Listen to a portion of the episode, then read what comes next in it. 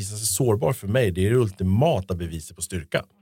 Och jag tror och hoppas och håller tummarna så de nästan blöder att vi går in i en tid efter corona där vi faktiskt har det som ett motto.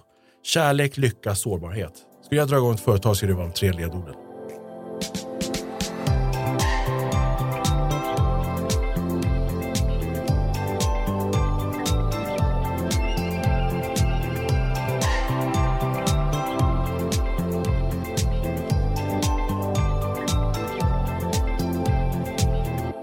Och varmt välkommen till Med målet i sikte. Jag heter Lisa Gustafsson. Och jag heter Charlotte Olsson. Hur mår du idag Charlotte? Ja, men jag mår jättebra. Jag mår jättebra. Jag tycker oftast att jag mår jättebra. Det är härligt. Ja, glad och eh, sprudlande tycker jag att du ofta är. Ja. Ja, Mm. och det kommer vi säkert fortsätta vara med våra gäster idag. här. Ja, men absolut. För idag ska vi ju prata om någonting som, som du faktiskt eh, till och med föreläser om. Ja. Om bemötande. Jag ska gå in på bemötande och, och även attityder. Men just bemötandefrågorna, det var ju faktiskt så som jag blev anställd på Iris. Mm. Att eh, jag skulle vara med och eh, ta fram bemötandeutbildningar och föreläste själv om bemötande och gör fortfarande till Mm. olika organisationer och företag. Och vad viktigt det är faktiskt att eh, många tar ju det här med bemötande att det är så här, men vi har väl ett bra bemötande, men vad är ett gott bemötande och är det något vi kan jobba på? Våra bemötandeutbildningar är ju, är ju lite särskilt riktade kring bemötandet, hur man bemöter personer som har någon form av funktionsnedsättning eller funktionsvariation. Dels det och sen även generellt bemötande, hur Mm. man kan eh, bemöta varandra bättre som kollegor eller kunder och hur man kan eh, jobba för att få bättre kommunikation. Mm. Precis. Dagens gäst hade vi lyckan att få ha som föreläsare ju på vår digitala medarbetardag och där höll ju han en lite kortare föreläsning på 20 minuter ungefär. En jätteenergifylld sådan. Fylld av kloka tankar och insikter och man vill ju höra mer och det ska vi få göra idag. Idag ska vi få fördjupa oss lite mer i attityder och bemötande. Ja men precis. Eh, dagens gäst är Kjell Dahlin och han har sedan 30 år tillbaka arbetat med kommunikations och attitydfrågor inom näringslivet. Och hans bakgrund spänner över eh, områdena inom service, försäljning, marknadsföring och eh, HR. Vi ska prata om vad en attitydbarometer är och hur vi är varandras arbetsmiljö. Och varför eh, att berätta en historia slår allt när du vill bli ihågkommen. Varmt välkommen hit Kjell Dahlin. Tack för att jag fick komma. Hur brukar du presentera dig när du kommer ut i ett sammanhang? när du får komma ut. När du får komma ut nu i de här Just tiderna. i sammanhang. Ja, jag, jag, jag brukar faktiskt säga att jag är påminnare av självklarheter. Ja. Eh, påminnare av självklarheter låter ju väldigt lattjo sådär, men det jag pratar om det är absolut inget nytt för någon. Men jag är väldigt duktig på att påminna folk hur viktigt det är just det här med att se varandra och att vi kommunicerar hela tiden med oftast då beteende, attityd och handlingar. Mm. Så påminnare av självklarheter Just det.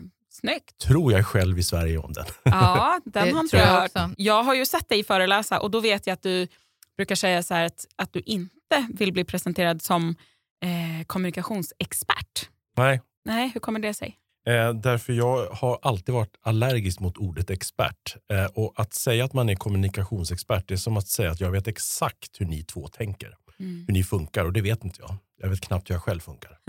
Mm. Eh, och det finns inga kommunikationsexperter. Det finns människor. Och vi människor är olika och det är det som är tanken med mänskligheten. Vi ska vara olika. Och lika olika som vi är, lika olika är vårt sätt att kommunicera. Punkt Mm. slut. Mm. Så jag brukar säga, om du springer på en människa som hävdar att han eller hon är kommunikationsexpert har jag bara ett enda råd. Spring därifrån. Ja. Men du jobbar också med, som du nämnde, eh, attityder Mm. och också bemötande. Hur hänger det ihop med Ja, varandra? men jag tror att det hänger jättemycket ihop. Att, att, att jag, jag kan ju se som har lyxen att få vara ute på ungefär tre arbetsplatser i veckan, i alla fall innan corona. Då. Och då, och man märker ju det att är, är, är attityden dålig eller sämre eller lite sliten så brukar bemötandet vara likadant. Jag tror att det hänger ihop det där. Det går inte. Det, det, det- lek med tanken att, att, att ni skulle vinna 30 miljoner eh, i en trisslott idag. Eh, så skulle det märkas när ni möter folk på stan. Eh, det skulle märkas på ett annat sätt om ni fick en kvarskatt eh, på 75 000. Alltså någonstans så det hänger Hos ihop. oss tänker du, eller hos de som möter oss? Vi Ja, kanske ger ett lite bittrare uttryck om vi har Ja, en kvarskatt på Ja. 75 000. Mm. Ja, men jag tror att det är så. Jag tror att det hänger ihop jättemycket. Det, det går nog inte. Jag jobbade mycket med kundtjänster på eh, 90-talet och då var det väldigt mycket det här. Det spelar ingen roll om du har punka på cykeln eller om det regnar så ska du alltid le mot kunden. Och jag tror någonstans att det är väldigt svårt att fejka det där. Jag tror att vi måste börja med oss själva. När jag ler inombords, då ler jag på ett äkta sätt och det är det. Annars når ju bara ett så här face, eh, eller så här fake leende når ju oftast inte ögonen. Det är bara att man drar på munnen och så Ja. ser man att det Ja. gnistrar ju ingenting i de Nej. där ögonen. Nej, och jag tror vi alla har varit inne på någon butik där, där, Ja. där man hör ordet men det gnistrar inte. Nej. Nej, precis. Men då tänker du att attityder det hör till mig och bemötandet är hur jag liksom är när jag träffar andra. Ja, men jag tänker så. Det är, väl- det är väl Mm. lite en, en spegling av min, min, min attityd. Ja. Mm. Bemötande är väl egentligen möt, eller ett möte bemötande med en människa eller, eller två människor eller fler. Att det blir ett möte någonstans. Ja, och jag tror ju på det här att, eh, jag brukar kalla det för boomerangeffekten, men om jag, om jag får en annan människa att må bra så tror jag att, jag tror det är så här, om jag ger er en komplimang så tror jag faktiskt att jag växer nästan mer än vad ni gör. Mm. Alltså för att Mm. det, det händer någonting hos människor när Mm. vi ger. Mm. Vi får tillbaks, Mm. helt klart. Mm. Den Ja. insikten har jag nått. Mm. Alltså det är bara att tänka nu i lite mer vuxen ålder när man ger en, en present. Alltså, jag ser ju mer fram emot att ge julklappar på, på julafton än att få Mm. julklapparna. Mm. Så att, Och få hjälpa någon. Dit har eller jag inte nått än. Välkommen. Det kommer med åldern. det gör det. Ja.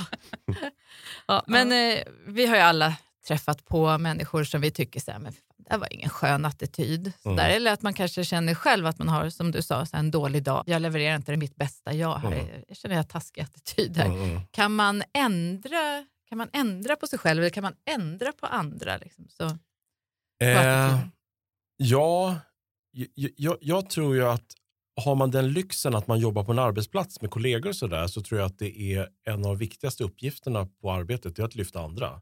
För det är väldigt svårt att lyfta sig själv, men jag kan lyfta andra genom att bara se dem, bekräfta dem, säga snälla saker. Och det, det, det, det är någonting, men däremot så om, om Alltså jag märkte när jag föreläste om attityd att folk kom fram och berättade efteråt och sa att det här var bra, det här borde min fru ha hört. Eller min man har hört. Eller jag hade till och med en man i Gävle som sa att det här borde min jakthund ha hört. Så vi har alltid en övertro på vår egen attityd. Det är alltid andra som ska förändra sig. Jag har någonting jag kallar för eller en uppmaning och det är att man under 21 dagar börjar varje morgon med att säga något snällt till sig själv eller tänka något positivt. Där händer någonting, för det, det tar tid. som till, ge ett exempel där. Då.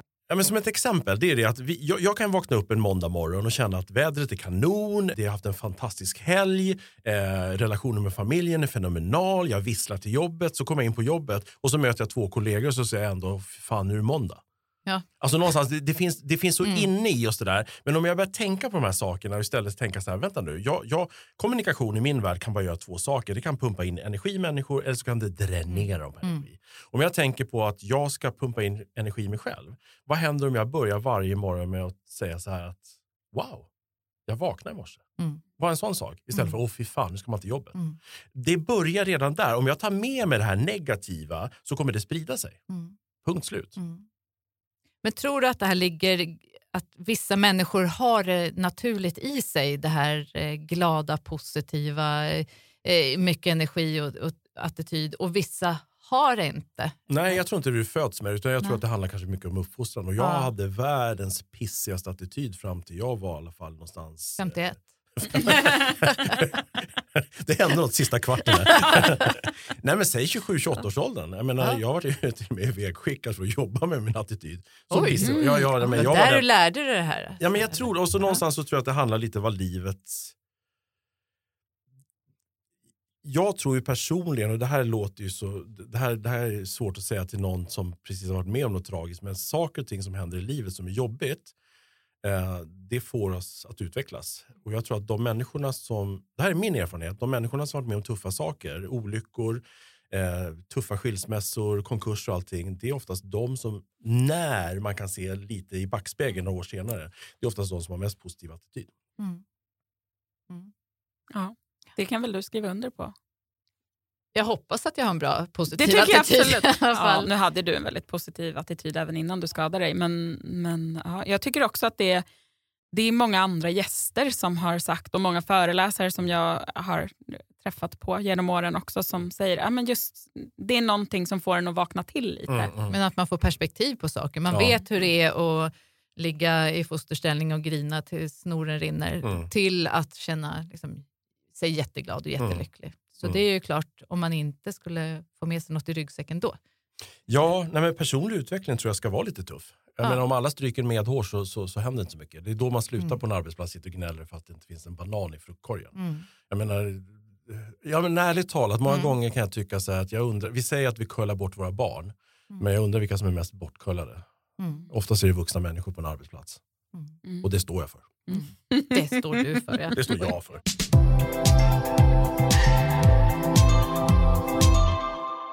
Ja, men vi fick ett tips på hur man kan göra själv för att få lite bättre attityd. Att Mm. man, att man Säg något snällt till ja, sig varje morgon. precis. Alltså peppar sig själv då? Så här, Peppa sig själv. ja, Alltså, jag- jag- eller jag- vad jag- är det, vilken fin dag det är? Eller Nej, men ska alltså, det vara till nå- en någonstans, själv? när, när jag gjorde det här första gången, jag, jag beslöt mig för att göra det här för, innan jag hade fyllt, det här är länge sedan då.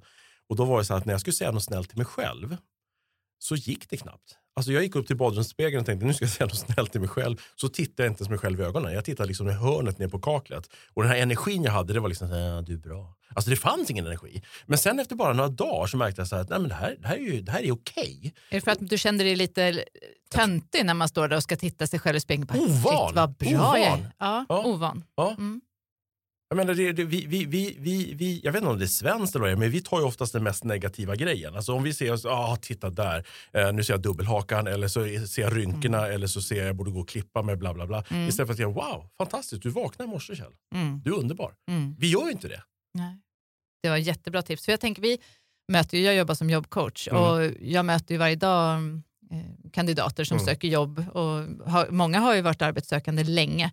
Och det kan vara svårt att ha en bra attityd. Jag kan ju Mm. märka det hos vissa Mm. som man möter, att det är tufft såklart för dem att söka jobb. Ja. Och är det här ett sånt bra sätt då att eh, kunna hitta lite motivation och en Ja, bättre på tre attityd? veckor, på tre veckor eh, så är du en helt annan människa.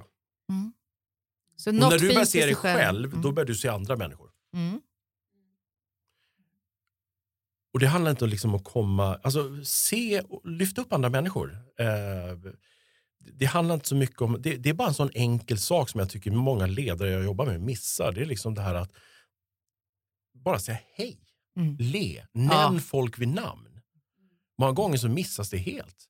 Du vet när vi känner oss sedda och bekräftade, speciellt tror jag på en arbetsplats, då händer ju någonting. Mm. Om inte jag känner mig sedd och bekräftad då kommer aldrig jag bli en del av det hela. Jag kommer Det är väl en grund- det är då vi börjar prata om vi och dem. Mm. Ja. Mm. Ja, det är Mm. absolut grundbehov som Mm. missas jätteofta. Mm. Ja, men och framförallt om man inte får ett hej Mm. av en ledare som bara liksom går förbi, Mm. då är det klart att man känner att Jaha, jag var inte viktig. Mm. Men får man ett hej Lisa, då bara Ja. wow, Ja, ja, den här personen vet till och med vad jag heter. ja, ja, men så är det ju. Om vi tänker som du säger att det här är ett grundbehov. Tänk dig då att vi inte gör oss till oss själva varje dag. Vi går upp och så tänker åh fy fan. Man ser inte ens sig själv. Nej, men se- vi ser Nej. inte oss själva. Vi glömmer helt och hållet. Och det är oftast den viktigaste personen, eller oftast, det är den viktigaste personen. Mm. Men inte du mår bra så kommer inte omgivningen må bra. Nej, och har inte jag en bra attityd, eller sen, då kan jag aldrig hjälpa andra att få en bra attityd Nej. heller. Nej, nej men så är det ju. Mm. Det går inte att fejka det där. Men det är väl så, det smittar ju, både känslor och, och sånt smittar ju snabbare än basilusker. Liksom. Mm. Det, Mm. jag menar, har alla varit på, jag måste säga, jag, var det du och jag som åkte tåg någon gång när vi hade sån här tåg eh, värld som skojar så. Eller, nej, jag åkte nog själv Ja. och jag satt ju och skrattade. Du vet när man också börjar få Mhm. så skrattanfall helt själv. Och bara satt där. Och han var så rolig. Ja. Så när alla klev av tåget där, det var ju så här, man var jätteglad. Ja. Och så kommer man in typ på Ica så sitter någon i kassan och inte ens tittar eller ens Mm. säger hej. Liksom. All den här energin bara försvinner ju. Mm. Så Och hur länge sedan var det tågvärden?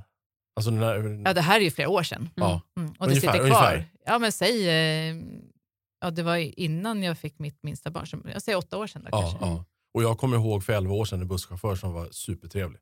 Förstår ja. du? Ja, De här små grejerna, vi kommer ihåg människor. ja. Och så kan vi vända på poletten och säga att om någon har gjort något dumt mot oss så kommer vi också ihåg det. Mm. Jag kommer ihåg en kommentar från en lärare när jag gick i trean, vad är man då? Nio, Nio. tio år. Mm. Ja. En elak kommentar.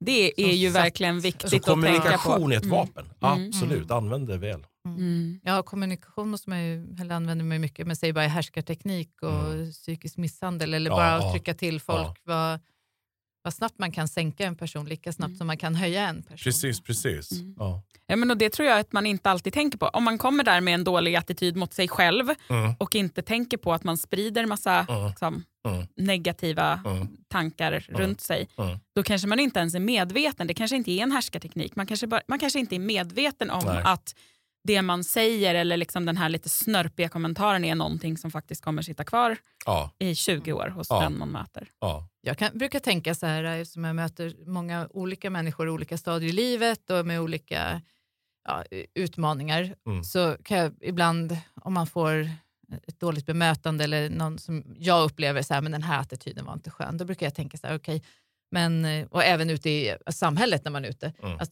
de som kan eh, bete sig och uppföra sig, eh, de gör det. Ja. Men de här som har en riktig, visst man kan ha en dålig dag och fresta ifrån kanske, men annars tänker jag, det kanske finns också en anledning till att en person inte beter sig då, som man Mm. säger så här, korrekt. Mm. Jo, varje människa är unik så det går Mm. inte att svara på varje hur, hur det är. Sådär. Men vissa gånger så är det nog, det finns kanske en anledning. Mm. Men många gånger så har det blivit en norm. Det har blivit Mm. liksom dens personlighet. Ja. Mm. Och då är det, pratar vi Mm. arbetsplatser, då är det en ledarskapsfråga. Ja, Jag tycker det är märkligt att vi kan, vi kan tillåta vissa komma med pissig attityd till jobbet varje dag. Mm. Ja, men jag, jobbade ju på, eller vi jobbade tillsammans på ställe och eh, där på morgonen så kom en, en av de andra anställda och jag var ju alltid så här, morgonpigg, jätteglad, längtar till jobbet. Så jag kommer så här, och så möter man honom i trappen och bara “välkommen till helvetet”. Man bara “tack”. Vad ska jag svara? Precis. Om det här är helvetet, då Ja. shit alltså, hur är det inte i himlen då? Ja. Men jag, jag, jag bodde, jag, när man reser runt som föreläsare, bodde jag, jag, bor ju ofta, jag bor ju alltid själv då på hotell och så gick jag upp och käkade frukost och där så satt en kvinna vid ett bord bredvid mig. Eh, och jag vet ju inte om det var en jobbarkompis eller om det var hennes partner eller vem det var. Men det kom in, alltså in en man, tog frukost och slog sig ner vid samma plats. Så jag förstod att de kände varandra och så säger hon god morgon och så svarar han, är det verkligen det? ja. Och då kände jag bara så här, tänk att leva med den. Ja, eller jobba med den. Ja. Ja, ja, ja. Ja. ja, Ja, men- det är det Ja. nog. Eller varför Ja. skulle det inte vara Ja. det? Fast när sånt där händer då går jag därifrån och bara tänker så här, jag har ett bra liv. Ja, faktiskt. Du har ju någonting som du kallar för en attitydbarometer. Mm. Är det så? Va, vad är det? Berätta om den. Ja, men barometern funkar enligt mig, eh, det här är, är, är min eh, absoluta övertygelse, att vi människor har en barometer inombords som styr vår attityd. Och den funkar precis som en barometer hemma. Den, den pendlar. Den, Mm. den är aldrig konstant för någon, utan den pendlar upp och den pendlar ner beroende på hur vi mår och hur vi bemöter andra människor. Eh, och jag tror att speciellt i ett sammanhang som på en arbetsplats, och jag försöker få folk att förstå att man ska lyfta varandra. Att jag har svårt, jag tror, det, det är lite det här att man, man, man, man säger så här, tänk positivt. Jag köper inte det för fem öre. Eh, de gånger jag tänker positivt är ofta de gånger jag mår dåligt. Och det, jag kan nå en acceptans av hur livet funkar. Men om jag verkligen vill må bra, då ska inte jag tänka positivt. Jag ska göra positiva saker. När jag gör en snäll handling mot en, en, en kollega eller när jag vinkar till någon i bilkön eller säger något snällt ord till den kundtjänst jag ringer in till, då händer någonting. Och där höjer jag mig själv och den andra. Eh, så det, det handlar om att försöka förstå att eh, vi kan höja speciellt varandra genom att se varandra. Eh, ni skulle kunna höja min attityd. Jag skulle kunna gå härifrån och, och skratta på gatan och le bara hur, hur ni bemöter mig. Och då Det ni, kommer du göra. ja, då, ja, men det känner jag redan nu. Och då har ni höjt mig på min attitydbarometer. Mm. Eh, och jag kan höja er. Man kan göra det själv, men jag tror att det är mycket lättare att höja andra. Mm. Och det Och känns får man in det som lättare. ett tänk i Mm. företagskulturen så blir det faktiskt rätt roligt. Mm. Och har man väl fått in det, då är det skitsvårt att gå tillbaka. Mm. Så det är liksom själva utmaningen med dagen. Hur kan jag få mina kollegor att kliva upp på barometern? För då kommer de göra tillbaka kaka till mig. liksom. Precis, precis. Och det har hänt jättemycket vad gäller synen på attityd. Det här är vad jag har märkt under mina 30 år. Förut var det läskigt. Sa någon så här att nu ska ni två gå och lyssna på en föreläsning om attityd. Så skulle, om, om vi backar bandet till, vi pratar nu typ början av 90-talet, så skulle en av er tänka, jaha, har jag gjort något fel? Det var liksom, attityd var det läskigaste ordet som finns. Och någonstans så är det som så att när, desto mer man präntar in det här från företagsledning eller HR och så vidare, desto mer man pratar om attityd, desto, mer, desto snabbare blir det avdramatiserat. Och när begreppet attityd blir avdramatiserat, då blir det kul att bemöta andra. Och vad är skillnaden då mellan attityd och bemötande? Man ska klargöra det bara. Ja, men jag tror någonstans här att, att, att attityden, det är för mig, för, för mig så är attityden lite att jag jobbar med min självkänsla. Så, så är det. Och, och det som syns utåt, det är bemötandet. Mm. Men jag tror inte det går att fejka. Jag, jag, jag, jag tror inte det går att fejka ett schysst Nej. bemötande. Nej. Jag måste ha en bra attityd för att det ska Mm. vara äkta. Mm. Och äkta är vad folk går igång på. För man kan ju ändå träna upp ett bra bemötande. För man Ja. säger så här, men hur, ett, det är ju någonting som hela tiden ska pågå. då, en då, process. blir, man- då, kan man inte. då blir det lite det här diplomaten som Ja. säger rätt saker, Mm. Men ögonen är inte med. Nej. Det, risken Mm. finns. Men om man tar med attityden i träningen, så Ja. att jag behöver jobba upp min egen attityd för att kunna bemöta, kanske kommer ha en dålig attityd lite på jobbet eller det känns dåligt, Mm. men om vi tränar i grupp, vi får bättre attityd, för jag tror ju att det är som du sa, att det återspeglas. Trivs man på jobbet, har man kul på jobbet, då märker kunderna det också. Ja, ja. Så uppenbart. Ja. Men att man också kan träna upp det här attityd, hur, vi möter varandra och det. Tror Jag, inte det? Eller? jag, är helt övertygad och jag tror Mm. också, eh, för mig så är det en ledarskapsfråga att förstå vikten av att Mm. alla är med på tåget. Och sen så kan jag bli så förbluffad över många gånger man ringer mig och säger så här, Kjell vi har lite problem med attityden, kan du komma och föreläsa en timme? Och så föreläser jag en timme och så säger liksom chefen, det här var bra, nu är det klart. Det alltså det är ungefär som att säga så här, jag vill bli Mm. duktig på tennis, jag har aldrig spelat det. Ja, men då spelar vi tennis en timme och så tänker jag yes, Mm. är, jag redo, jag. är jag redo för Mm. Wimbledon? Nej, det här är alltså någonting som man måste träna på hela tiden. Mm. Mm. Och jag märker ju tydligt de arbetsplatser där, där, där ledningen säger så här, du vet, vi behöver inte jobba med attityden för den är bra. Mm. Då vet jag per automatik att den är piss. Men de som säger, vi, vi jobbar med hela tiden. Ja, vi jobbar är med det. det hela tiden. Vi har förstått att det här är en färskvara, det är en mjukvara och det måste jobbas med 24-7. Där är det så att man känner bara, anställ mig för stämningen är så bra. Ja. Hur kan vi jobba med attityden? Då? Eller hur kan vi göra det här på, ja, men i, Nej, men jag tror att, det, att inse de här små enkla sakerna. Många tänker att ah, det ska vara kurs. Nu, nu, nu, nu är jag dum som säger det här, men jag behövs ju egentligen inte. Ärligt talat. Förstår man att de två viktigaste verktygen när det kommer till kommunikation och attityd, de fick du när du föddes. Du behöver inte gå någon kurs. Du fick en mun, låt den le. Mm. Alltså låt din mun le och låt det komma ut vänliga ord. Mm. Det är, alltså, sitter det på en arbetsplats, då är resten piece of cake. Mm. Och samma sak, låt ögonen glittra och le. Mm. Alltså se folk. Mm. Mm. Men jag träffar ju företag som pumpar in miljoner. Ja, vi har tagit fram nya ledord och värdegrund. Ändå så, det funkar inte för att ledorden stannar på någon powerpoint-presentation. Mm.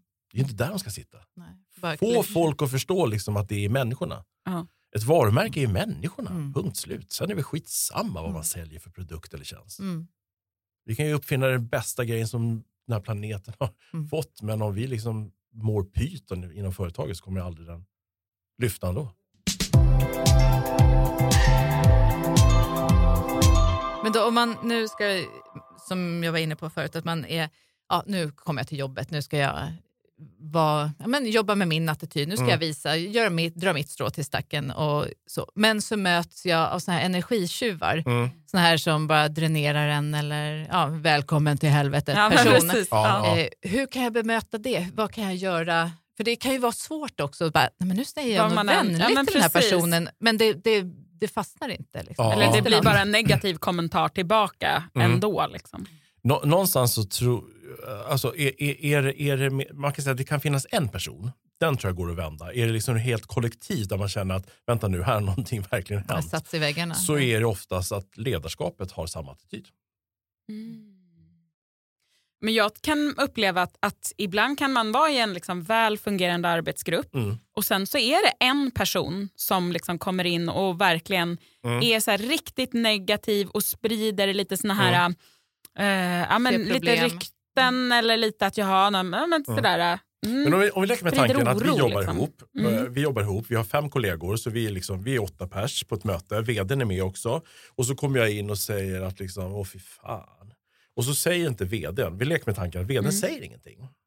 Och ni sitter och tänker så här, borde inte personen säga till Kjell som är så negativ? Mm. Och så nästa möte 14 dagar senare så sitter jag också och säger, åh fy fan det här jävla skitstället. Och så händer ingenting då. Då är risken stor att en av er resterande sju kommer också komma tillbaka på möte nummer tre och säga, åh fy fan. Mm. För att då har det blivit norm. Det. Och normer sätts så jäkla fort och sen blir det ett beteende och sen blir det företagskulturen. Mm. Det ska vara stenhårt. Alltså jag kan, vara, jag, jag kan bli jag uppfattas som snäll, men jag kan bli jätteilsken när jag jobbar med arbetsplatser där jag märker att sånt här inte är okej. Mm. Alltså det, det är inte okej. Det är inte okej att sitta och spy galla. Det är inte okej att snacka skit om någon som inte är i rummet. Det måste vara, förhållningsreglerna måste vara brutalt tydliga. Och sen så är det också som så att jag vet att jag jobbar med någon som, som alltså det, vissa människor kan man nästan driva med. Jag, jag, jag jobbar med, nu pratar vi återigen 90-tal, med riktig surkart. Då jag liksom rätt så högt och tydligt berättar liksom att det finns faktiskt vissa människor som, som går runt och är negativa hela dagarna och mår pyton. Alltså man får dem att, han pratar om mig. Mm. Och då har de lagt om stil. För det finns ju nämligen så här, det finns till och med forskning från jag tror Karolinska institutet som publicerade här bara för något år sedan att det tar alltså mer energi att gå runt och vara sur. Alltså rent Ja. energimässigt. Mm. Och går vi runt så pass länge att vi börjar älta och till slut blir Mm. bittra Mm. så ökar chansen, jag vet inte vad det var, men det var så här, du vet, 20-30 procent med att vi får en stroke i förtid och problem med hälsan. Mm. Och det gör, det gör vi mot oss själva. Ja. Det är liksom som att vi tar gift och hoppas att någon annan ska... Ja, men jag förstår vad jag menar. Det är, liksom, det är helt bisarrt. Och jag tror att det här måste man ju jobba med. Mm. Och Ja, jag- där finns det, ju och det säkert måste- någon djupare anledning, liksom att man har ja, men bitterhet, att det är obearbetad sorg eller eh, sånt där som man inte kanske har jobbat med tidigare och då kan det ju vara, kanske inte bara en, en kort kommentar i spegeln hjälper Nej. just för dem, utan då, men att man är medveten om det och kanske får stöd av Ja. folk runt omkring att du går och pratar med någon. Precis, men Mm. när jag jobbar längre med, med såna här grupperingar då märker jag att när jag väl pratar med en och en som jag uppfattar som bittra människor Mm. så är det väldigt mycket att de pratar vi och dem. Och då Mm. börjar man skrapa på ytan. Varför är det vi och dem? Jo, men då kommer det ju fram att de känner sig inte som en del i helheten. Ja, Mm. De känner att de inte är lika sedda och bekräftade. Som man. Alltså, Ja. Det är så vanligt. Vi tror någonstans att vi är vuxna och nu har vi ett helt annat perspektiv. Men vi är barn i vuxna Mm. kläder på en arbetsplats. Vi behöver bli sedda och bekräftade. Mm. Och känner jag att inte jag är en del i det stora hela, men det är klart att då, ja, men, då är inte jag lika viktig. Och har jag det mindsetet så börjar jag prata vi och dem och till slut så blir det ju... Ja, För att jag ska bli blir så var det för mig när jag hade Ja. pissig attityd. Ja. Då var det ju att jag, jag, jag satt ju till och med i rökrummet fast jag inte rökte för att det var bra att sitta där och gnälla. Nej, men förstår Ja. du? Så det blir, Ja. Vi söker en gruppering, vi vill bli sedda, bekräftade och älskade. Om inte jag blir bekräftad och älskad av the good ones, då kan jag väl lika väl söka mig till the bad ones. Och då kan vi gruppera ihop oss och säga Mm. att det här är- De där andra. de där andra, Ja, precis. Mm. Men innerst inne så mår vi inte bra. Nej. Men de här som kanske är besserwissrar, de Mm. som har liksom den attityden att så här, jo, jo, kom du med dina Mm. smarta idéer men kanske till och med nästan sitter och, och hånler sådär. att Ja, Mm. jo, fast jag Hör vet ändå säger. bättre än Ja. vad du och du försöker tillrättavisa mig här. Men Mm. hur, hur kan man bemöta dem? Alltså det är så himla svårt för att varje människa är unik. Det Mm. finns de som absolut... Alltså jag, vet, jag, jag har jobbat i en gruppering då jag hade en fantastisk chef och ledare utan att nämna företaget när jag var anställd som, som gav en människa som var så här ett projekt att lösa eh, som var rätt så... Alltså liksom där, där är perfekt för dig att bita tag i. Och då var personen per automatik ödmjuk. För att det var inte så himla lätt utan att ha hjälp. Eh, och jag tror också det här, när jag är en besserwisser så finns det ju någonting att man vill bli sedd och bekräftad. Mm. Det- Jag har märkt, det, det finns någonting när man föreläser, man brukar kalla det för parkeringsrutan. Och det är ju så här att om någon ställer en fråga som du känner att det här är en fråga som personen vill inte ha svar, utan personen vill bara se mig. Ah, Jag finns här. Mm. Så brukar jag alltid säga, fantastiskt, det här är en bra fråga. Jag skriver en notering här i parkeringsrutan på liksom whiteboarden, så tar vi den i slutändan. Och så ser jag hur nöjd personen blir. Mm. Och jag har aldrig svarat på frågan. Aldrig någonsin. De det här att händer det- inte så ofta. Säg att det här har hänt fem, sex gånger under Mm. min hela... Liksom, jag har föreläst många gånger. Mm. Eh, men oftast kommer den personen fram och säger så här, tack det var en fantastisk föreläsning. Mm. Det handlar liksom, jag, men jag tror det handlar lite, om jag är en besserwisser så är jag, jag, jag menar, en besserwisser så är det som så att de människorna, vi ska inte hålla på och generalisera, men majoriteten av dem har ett taskigt självförtroende. Så man hävdar sig på ett annat sätt. Man försöker liksom dölja de här svagheterna i, och då, då blir det oftast rätt så patetiskt för oss andra kan jag tycka. Men om man stör och fördärvar möten så är det väl återigen man får prata med personen. Kanske att Jag de kan att man- komma alltså, med vi- egna vi, lösningar ja, men vi, är, vi, vi är så jäkla dåliga på... Någonstans är det så här att, att, att vi vet allihopa att har vi, är vi ett förhållande och vi inte pratar med vår partner och det är en människa vi ska älska eller förhoppningsvis älska så räcker det med egentligen ett par dagar så börjar vi liksom, ja, men det kanske slutar med att vi inte säger så mycket till varandra och till slut börjar vi liksom gissa vad den andra tänker och de här gissningarna blir oftast fel. Så där kan ju ske, alltså det finns ju de som faktiskt har gått runt och gissat vad den andra menar på arbetsplatser i år. Eh, någonstans så är det bara sätt er ner och prata. Vi är jättedåliga på det. Och vi är ovana med det. Alltså jag, har, jag har 30 år i näringslivet och de två ord jag aldrig hör det är vet du, kärlek och lycka. Det som är grundläggande för att vi ska må bra. Däremot så kan vi säga liksom förändringsstrategier hela tiden. Ja, förstår vad jag menar? Men att sätta sig ner med en grupp människor och säga så här, det här är jag, det här är jag. Och så gärna det här, jag kör, brukar köra det med ledningsgrupper där man bjussar på sig själv, där man visar sig sårbar. Där man berättar någonting som har format mitt liv. Och det kan vara allting från liksom, du vet, alkoholism eller missbruk i stora hela. Eller liksom, alltså man litar på gruppen, när man öppnar, det här är jag. Och sen så ställa sig frågan, vad behöver jag? Vad behöver jag för att jag ska vara lycklig när jag kommer till jobbet? Men jag behöver att ni verkligen ser mig. Jag behöver att ni liksom... Eh, jag mår bra av att ni nämner mitt namn. Och ha den, alltså, gör man en sån övning, vilket jättefå gör, så brukar besserwissrar försvinna. För det handlar egentligen om att jag berättar om vem jag är. Det här behöver jag. Det finns inte en människa där ute som inte går runt med rynkor i bagaget och eh, sår i själen. Och jag vet inte en enda människa som inte har varit med om egentligen saker som kollegorna inte vet om. Alltså förstår du vad jag menar? Någonstans så har vi saker. Och det här var, förr om åren så var det så här, ja men jag kan ju inte visa mig svag. Nej men det är inte det det gör. Att visa sig sårbar för mig, det är det ultimata beviset på styrka. Och jag tror och hoppas och håller tummarna så de nästan blöder att vi går in i en tid efter corona där vi faktiskt har det som ett motto. Kärlek, lycka, sårbarhet. Skulle jag dra igång ett företag skulle det vara de tre ledorden. Mm. Då kommer ju genuin omtanke tänker jag i de, de spåren. För det är ju svårt att vara elak eller hård eller ha taskig Mm. attityd mot någon som precis har suttit och öppnat upp sig och Ja. sagt det här behöver jag, det här är mina behov. Man pratar ju om att, att, att om vi känner varandra, vi är jättekompisar på jobbet, så är jag benägen upp till 30% att hjälpa er när ni får problem eller lyssna på dig. Om jag har blottat mig själv och visat mig sårbar och berättat någonting som ni känner förhoppningsvis någonting så går det från 30 till 70%. Mm. Och jag är helt hundra på att det sker. Men då pratar jag om det här med psykologisk trygghet i teamet, att man Mm. vågar lita på varandra. Mm. Men finns det, då, då, då, alltså jag märker ju på de arbetsgrupper där psykologisk trygghet är, det finns Mm. och de har visat sig sårbara för varandra. Man känner bara att man vill ta hem och gosa med dem. ja, men det, ja, ja, men det känner bara anställ mig, snälla Ja. mig. Och sen kan du visa andra ställen liksom där det är hård jargong. Ja. Mm. Eh, och då vet du att där är inte psykologiskt. Man, man vågar inte öppna upp sig. Man Nej. vågar inte för att det är ett tecken på svaghet. Mm. Och det här, Är, är det typiska liksom, företagskulturer skulle du säga? ja, att den här, ja, Ja. ja. Hur kan man ta reda på det? Eh, på vad det är, finns för slags företagskultur? Om man ska gå på en jobbintervju, Mm. vilka frågor ska man ställa för att liksom komma in i den, den äkta företagskulturen? Eh, Du, menar du du, om jag söker jobb? Ja. Jag tror att det räcker med att röra sig i korridoren.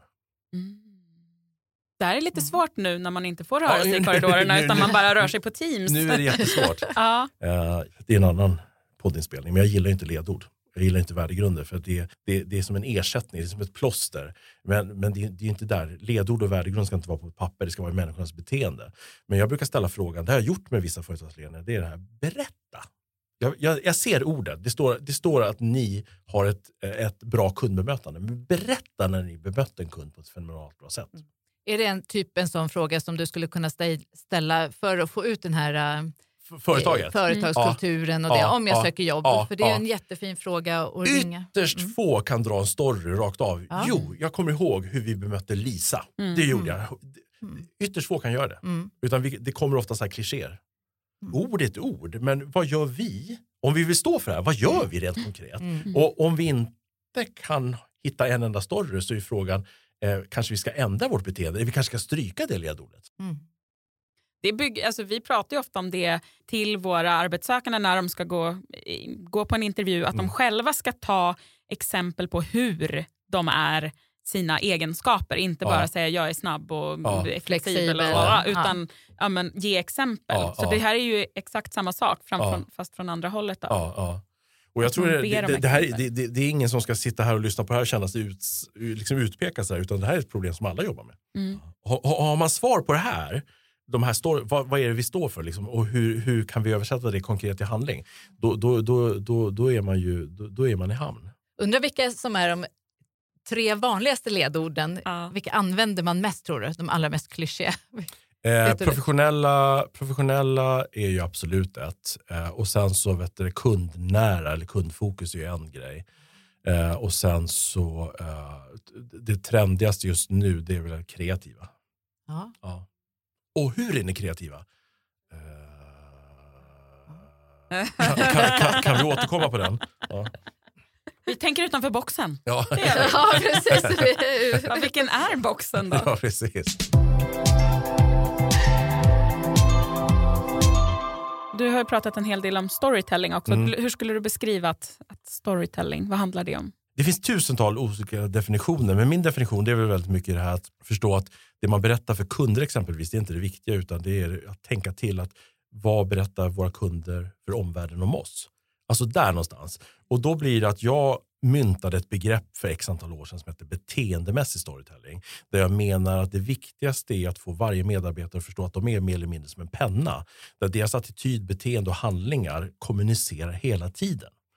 Det vill säga vi kan hitta på stories, vi kan ha riktiga stories, vi kan publicera det på hemsidor, vi kan göra reklamfilmer och allting. Men det intressanta är kanske medarbetarna som är där ute i vardagen, när de möter folk, vad kommunicerar de ut? Menar, vi kan göra en reklamfilm på TV4 där, oj, wow vilket beteende. Men sen så ser de er åka runt i en firmabil och peka finger åt, alltså förstår du vad jag Mm, menar? ja, ja. Någonstans så är det så här, vi, vi människor kommer aldrig komma ihåg ordet, det är handlingar vi kommer ihåg. Och handlingar det är människor. Mm. Så just det här beteendemässig storytelling får varje medarbetare förstå att deras attityd, beteende och handlingar kommunicerar. Så för storytelling för mig, det finns ju olika definitioner där, men för mig så är det det. Mm. Att förstå att vi kommunicerar med vårt sätt att vara. Så det är egentligen inte berättelse på det sättet som, det är ingen saga, utan det är liksom verklig händelseberättelse. Ja, ja. Att vi lever våra Mm. värdegrunder och våra Ja. värderingar Ja. eller Mm. eh, ledord är väl egentligen det. ja. Mm. Och där kan man väl också tänka till då, eh, vad är det jag gör? Alltså, eller egentligen, det ska ju sitta i ryggraden. Nej, men man tänker så här att jag, jag, jag flyttade till, till en ort för tio år sedan och första dagen så går jag ner på lokala korvkiosken, där jobbar Micke. Micke hade ett bemötande som var fenomenalt, helt otroligt bra, wow. Kommer dit tre månader senare och han kommer ihåg vad jag heter. Mm. Alltså förstår du, jag blir på gott och ont stamkund där. Mm, mm. Nu trummar Kjell på sin mage. Eh, men, men det jag vill komma till det är det, det. Det här företaget, hur många miljoner hade de behövt pumpa in i traditionell marknadsföring Mm. för att jag skulle bli stamkund? Alltså vi pratar så galet mycket pengar. Här är en människa som bemöter mig som gör att jag känner att jag blir banne mig nästan kär i honom. Mm. Eh, och det där kan ju vi göra. Mm. Alla kan göra det där. Men då gör ju han det genuint. För jag och, och min pojkvän satt och pratade om det här, eller att du skulle komma och berätta om eh, ämnet och sådär. Och då kom vi in på det här liksom, att ha trevlig attityd och vara öppna. Och Mm. liksom, men sa han, när det inte blir äkta då? När det Mm. kommer en sån här som jag ser framför mig, så här supersäljare, lite solbränd, eh, med ett stort fejkat smile. Man ser att, att vara välkommen och han tycker Ja. att han har, nu säger jag Ja. han, det kan vara en hon också, men har ett jättefint bemötande, öppet och bara wow, eh, Mm. energifylld och har en schysst attityd tycker Mm. han. Men jag ser att han flackar med ögonen efter nästa person och pratar Mm. med, han är inte alls där. Mm. Det, eh, där är ju så här, ja det är utåt sett kanske ett, en schysst attityd, men det är ju inte det. Nej, och det där är ju så intressant. Där kan man ju undra, liksom, all, en sån där, jag förstår precis vad du menar. Mm. Eh, och en sån där människa i slutändan kostar ju så mycket pengar att ha ute på alltså möta Mm. kund. Ja. Att man inte inser det från företagets sida när man, när man kostar på säkert jättefina säljkurser. Mm. Det är för mig ett mysterium. Mm. Jag tror att vi lever i en tid och jag, tror att, jag hoppas och tror, håller tummarna återigen, att det blir ännu mer nu efter corona när vi går in i något nytt med ett nytt perspektiv på livet. Att äkthet kommer vara det där ordet. Mm. Vi går mycket mer igång på en äkta människa. Alltså, någonstans så är så här, man brukar prata om det inom retorikens värld, där jag kommer ifrån, att sann entusiasm, alltså sann entusiasm, det är, finns inget som är så smittsamt. Mm. Vi går igång på det. Mm. Sen kan jag sälja eh, ved och du köper ved fast du inte ens har en kamin. Men spelad entusiasm, det är det här du vet. eh, Kul, kul, Ja, kul. jag brukar tänka på det ibland när jag gått in i någon klädbutik så har det varit liksom den här blicken på mig där de bara tänker, "Äh, kan inte du dra? Men jag hör ändå liksom så här, välkommen. Mm. Jag känner, det där menar inte du. Jag går ju Nej. därifrån. Ja. Det, och jag har också varit ja. med om så många där det är så här, man provar någonting som bara så här, det här var typ det fulaste jag någonsin har provat. Så här, den här, ja, det passade inte. Och bara, gud vad fint, de sitter perfekt. Ja, ja, Ja, bara, fast de går ja. ju inte att knäppa. Kan vi inte bara så här, sluta hämta ett par som... ja, ja, alltså, ja, ja, om du ja, säger att det här passar perfekt, ja, då, finns då har jag ju tappat Ja. allt mitt förtroende. ja, ja. Mm. Men det jag menar är, jag tror det är därför du kommer ihåg så många år senare i tågvärlden. Mm. Eh, eller någon som gör någonting det där lilla extra. Och när man gör det där lilla extra och det är äkta så är det väldigt... Alltså, jag kan titta tillbaka på mitt liv där jag är stamkund, om vi pratar nu i ren försäljning. Sådär, så är det, varför går jag till samma ställe och handlar bil? Ja, men det är inte för bilarna, det är för att Jörgen jobbar där. Mm. Varför går jag till samma eh, klädbutik? Jo, men det var för att någon sa något snällt till mig där. Mm. Jag går till samma kassa till samma kvinna på Ica i lilla Bålsta. Och det är för att jag flyttade från Stockholm, hade, jag var pappaledig, eh, dottern hade frispel, tisdag inga kunder. Hon sa, jag vet precis vad du går igenom nu. Och så började hon packa varorna. Ja. Och du vet, jag smält. Alltså, Ja. oj. Ja. Sen går jag tillbaks. Hon gjorde en handling som gör att jag är stamkund. Att vår familj handlar för x antal Mm. pengar varje år. Mm. Och jag går gärna tillbaks till hennes kassa. Liksom. Med trygghet och Ja, men det är fint alltså någonting där. bemötande. Nå, Mm. Om vi känner oss, jag, jag tror att väldigt många gånger här, jag, jag funderar jättemycket på att ett företag borde strunta i traditionell marknadsföring i tre års tid och köra bara pumpa in pengar i att få varje medarbetare att förstå hur viktiga de är. Mm. Vad som ska hända. Jag tror det skulle kunna ske mirakel. Mm. Ja, men det är sant. Det är det, är så som du säger att man, man, man kan ju inte lita på det som sägs i reklamer ändå, utan man litar ju på det, det man själv har upplevt. Ja, och liksom. nu lever vi i en tid där vi har blivit mer kritiskt tänkande och vi Mm. håller på att drunkna information. Man pratar ju om att det är så liksom, fyra gånger så mycket information vi ska hantera varje dag mot vad det var för 16 år sedan. Så någonstans så har vi, vi, vi går inte igång på vi, vi går inte igång på mer information. Vi vill bli inspirerade och det som kan inspirera oss det är inte att vi läser oj, det här företaget, det står att de är professionella. Utan vi går igång på att vi går dit och så är det en människa som bemöter oss superproffsigt. Mm. Mm. Varför vi blir stamkunder det är oftast en människa och det bemötandet. Och Det är ju väldigt viktigt att tänka på som medarbetare, Ja, hur viktig man är. ja, ja, ja. Vad jag gör nu det kommer spela all roll framöver. Men jag tror att vi tre och alla som lyssnar på det här, vi skulle kunna bestämma oss för idag så ska jag få en människa, en helt okänd människa, att komma ihåg mig om 14 dagar med ett leende på läpparna. Oj. Oj, Ja. vilken challenge Ja. kände jag Ja. här nu. Gud, ah, Och jag, tror inte det är jag tror att det är de enkla sakerna som gör det. Ett Mm. snällt ord i kassan på, Mm. på, på, på Lidl eller en, en, vänlig handling bara gentemot en annan människa som, som, som behöver hjälp med att få upp dörren på biblioteket eller whatever. Och gör man en sån sak så tänker kanske inte jag att det här kommer de nog komma ihåg länge Nej. utan förhoppningsvis så sker det inte på automatik men att, att man gör goda handlingar och, och sen så vet man inte att det har Nej, och hänt gör, utan det bara... gör du det varje dag i, Ja. i tre veckor så det, Mm. då sitter det i ryggmärgen. Då, Mm. då gör du Mm. bara. Jag var faktiskt med om det. Att jag, jag satt på bussen och så var det en mamma som alltid åkte med varje dag. Mm. Eh, och Hon pratade så fint med sina barn. Hon Mm. var inte så här, äh, prata bebisspråk, men, Mm. liksom, ja, men de resonerade. Och, och så här. Eh, och sen så, då, till jag var liksom bara tvungen att säga det. Att, så här, Mm. Gud, jag måste bara säga vad fint ni pratar. Eller Mm. liksom, ja, så. Eh, och hon bara, åh tack så jättemycket, så här, åh, vad glad jag blev. Mm. Och Sen så gick det några år så eh, var jag på ett, ett hotell i närheten och då jobbade hon där. Och Vi var lite så här, gud jag känner igen dig, Mm. sa hon. Och jag bara, ja. Hon bara, nej men det är ju du som sa det där till mig. Kom Mm. hon på då, att så här, åh vad jag behövde det den dagen. Ja. Ja. Och det hur många år liksom- var det emellan? det var säkert två, tre år i alla fall. Ja, du förstår. Mm. Snacka om att vi människor har en, vad ska man säga, ett verktyg för att liksom få andra människor att känna sig sedda och bekräftade. Mm. Och Då hade jag ju ändå tänkt det här säkert fyra bussresor innan. Ja. Men det tog mig så lång tid att till slut bara, nej men nu, ja, nu måste jag säga något. ja. Men jag tror att man är lite rädd för att verka konst. Alltså så här, inte ska jag väl komma här och säga något. Jag har gått fram till någon någon gång också och bara, jag måste bara säga vilken fantastisk kappa. Ja. Eh, och det har ju aldrig hänt att någon bara snörper på munnen och bara sköter själv. Nej.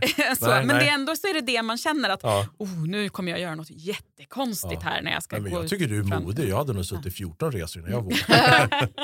Du Kjell, det har varit fantastiskt att ha Ja, dig här. Jag, kan vi få bara dina tre bästa bemötande tips här nu? Bara smack, smack, smack. Som vi bara tar med oss, de som lyssnar kan använda idag på stubben ut Mm. för att göra livet och attityderna Om bättre. möjligt, le med munnen. Om möjligt, le med ögonen. Om möjligt, säg snälla saker. Komplimanger, gärna till kollegorna. Och gärna nämn dem vid namn. Mm. Perfekt. Ja. Tack Tusen snälla. tack. Tack snälla, tack snälla. Vilken energi. Ja, jag. jag känner också att vi, jag vill ut och le.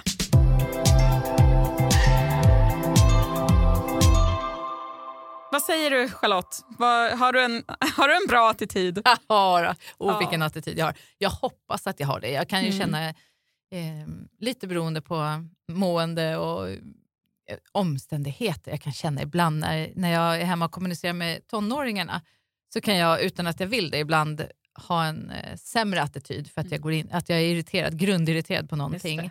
I våran kommunikation. Då Mm. eh, kanske jag går in med en dålig attityd. Det får jag höra fort direkt. Jag bara, vad har du för attityd? Men, ja, men då får jag ju reda på det också. Men eh, ja. Har du en bra attityd? Tycker jag? Ja, men jag hoppas det. Det är nog ungefär samma.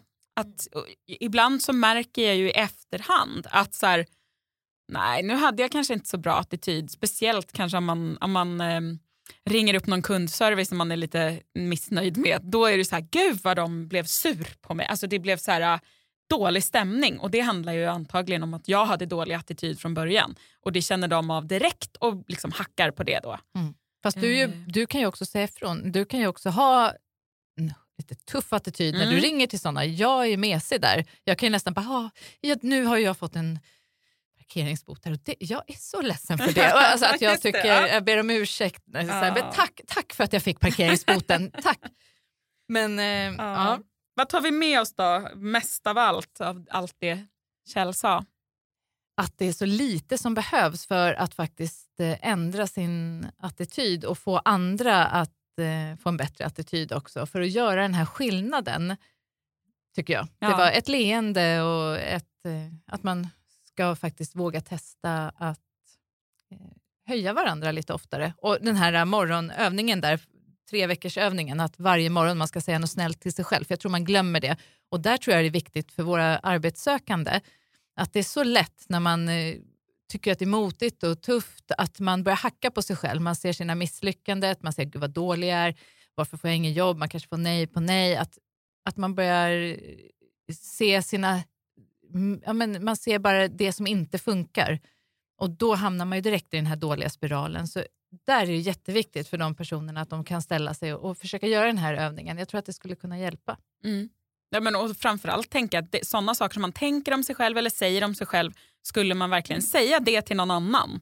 Och om svaret är nej, då får man ju genast sluta och säga det till sig De själv. elaka sakerna. Ja, precis. Medan man är, både ska höja sig själv mer till sig själv, men också andra. Att, som du säger, vad lätt det är egentligen. Och bara ge lite uppskattning och faktiskt se människor.